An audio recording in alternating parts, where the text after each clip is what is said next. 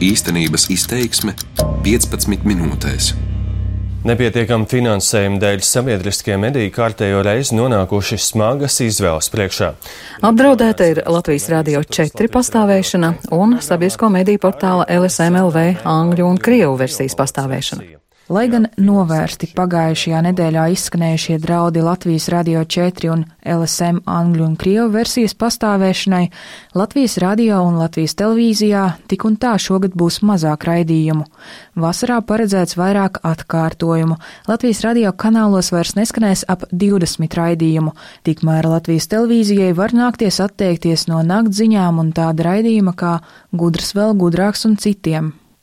Kā risināt ilgstošo finanšu badu sabiedriskajos medijos? Par to šajā raidījumā. Mani sauc Annija Pētrava.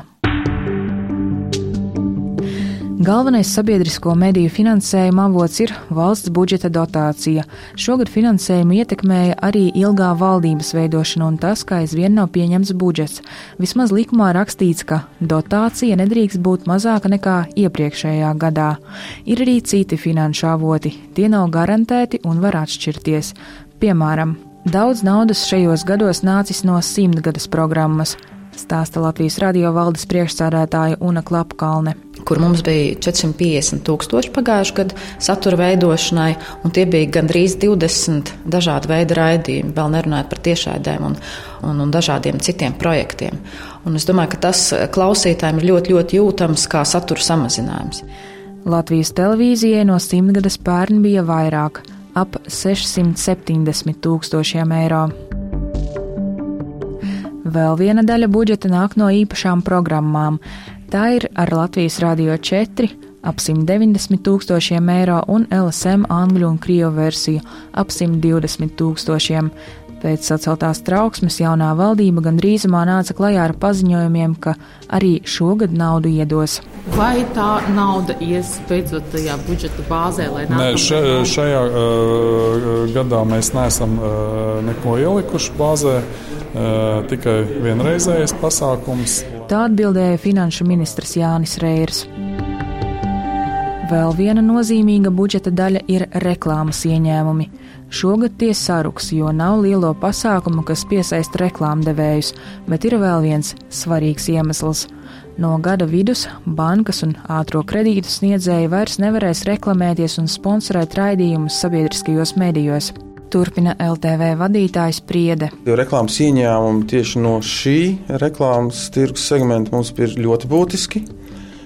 Es negribu saukt precīzi ciparus. Viņi ir uh, nodoti gan elektronisko plašsaziņas līdzekļu padomēji, kuri jau ir informējusi Finanšu ministrija par tām summām. Bet, ir... Tad es precizēšu, kultūras ministra Latvijas radio ēterā pateica, ka tie ir 500 tūkstoši eiro. Jā, viņi ļoti tuvu patiesībai, tas ir aptuvenais gada cipars. Mazāki zaudējumi būs Latvijas radio, taču tos varētu pamanīt daudzi. Tas, kas mūs uztrauc, ir cik lielā mērā šīs izmaiņas likumdevējs ir domājis, ka ir jāattiecina arī uz sadarbības projektiem.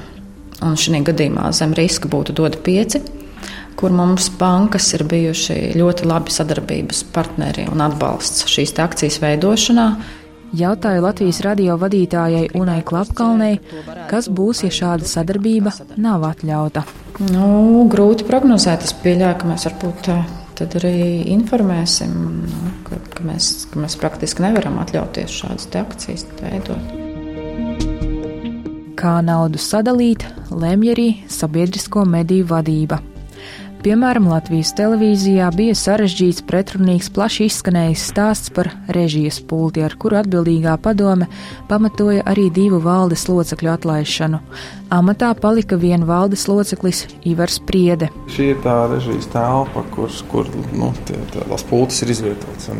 Šī ir viena no trijām plānotajām režijas pultīm. Šim ir arī ņemts kredīts. Tātad. Jā. Jā, jā, jā. mums ir 380 tūkstoši vēl 19. gada laikā jāatmaksā. Iekšēji pieņemtie lēmumi gan bieži atkarīgi no hroniskā naudas trūkuma sabiedriskajiem medijiem. Nu, šī, piemēram, ir tikpat vecs pults kā tā, kas nodeg. Raugoties uz veco Latvijas televīzijas tehniku, kas turpina nodrošināt pārraidi, saku par tehnoloģijām atbildīgajam Ārnim Šeibem, ka uz šejieni varētu paaicināt politiķus. Ekskursijā izvada.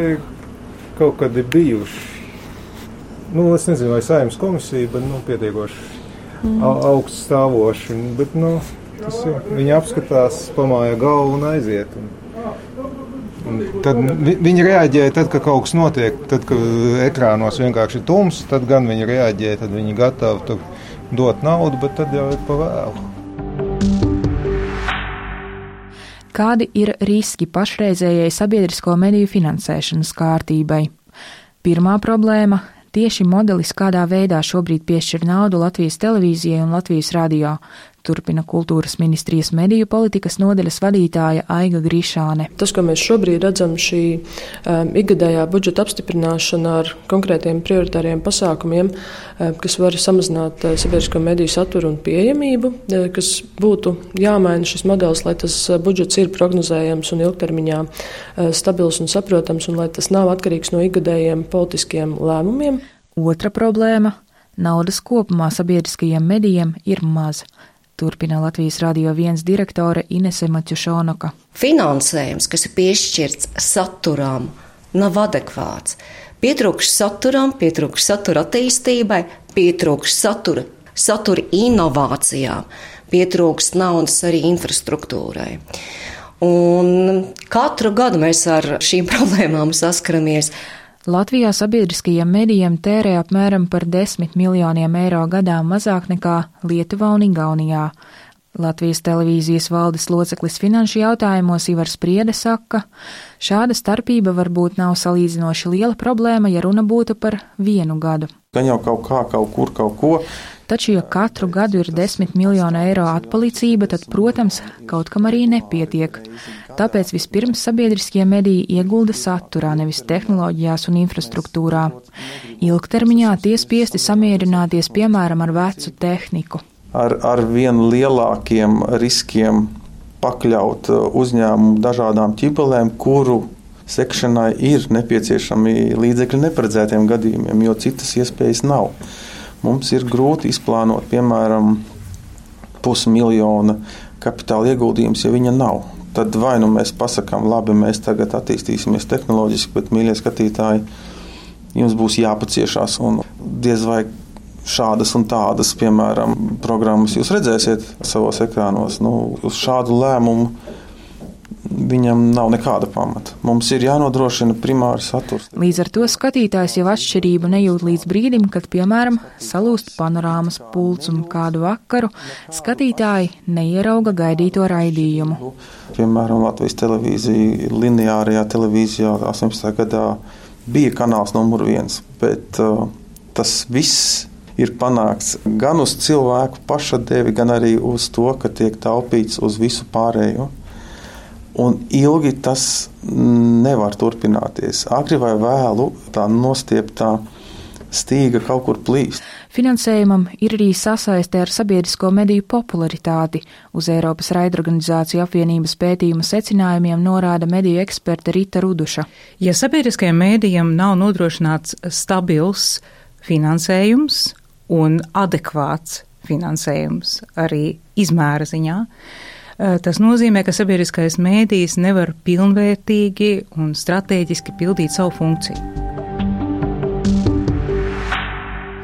Kā risināt ilgušās finansējuma problēmas? Dažādās Eiropas valstīs sabiedrisko mediju finansē atšķirīgi. Ir valstis, kur iedzīvotājiem ir abonentmaksa par sabiedrisko mediju, stāsta Aiga Grišāne no kultūras ministrijas. Virknē, tīpaši veco Rietumēropas demokrātijas eh, valstu eh, praksē, ir šādas idejas izskanējušas arī Latvijā.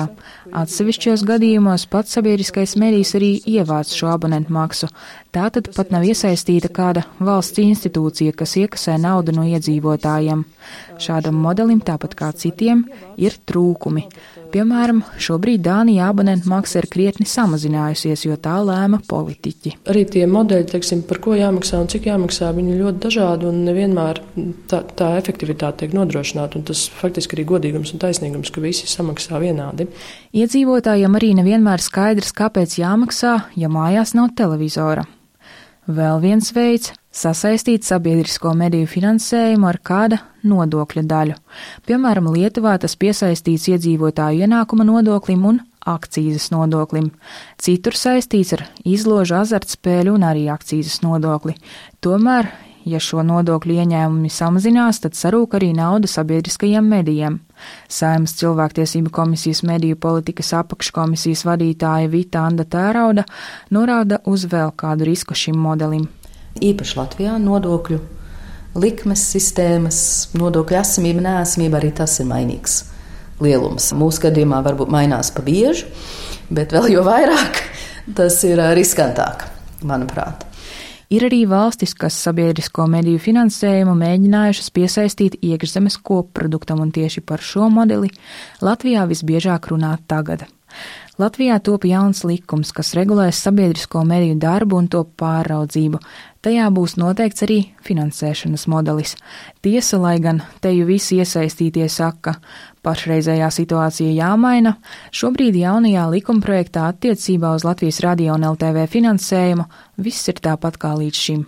To redz arī Saimas mediju politikas apakškomisijas vadītāja Vitānda Tērauda. Izskatās, ka šī likumprojektā ir jau ietverti iepriekšējās valdības, iepriekšējo politisko partiju kompromisi. Un es domāju, šos kompromisus mēs droši vien negribēsim. Uz priekšu mēs gribam no jauna skatīt. Kā vienu piemēru šai likumprojektā, ko mēs no 12. saimnes saņēmām, nav risināts finanses jautājums vispār. Tur ir atstāts viss pa vecam. Un tieši to mēs negribam atstāt pa vecam. Likumprojekta otrajam lasījumam ir iesniegti priekšlikumi par nākotnes finansējuma modeli. Lai gan detaļās atšķirīgi, to būtība ir sasaistīt sabiedrisko mediju budžetu ar IKP.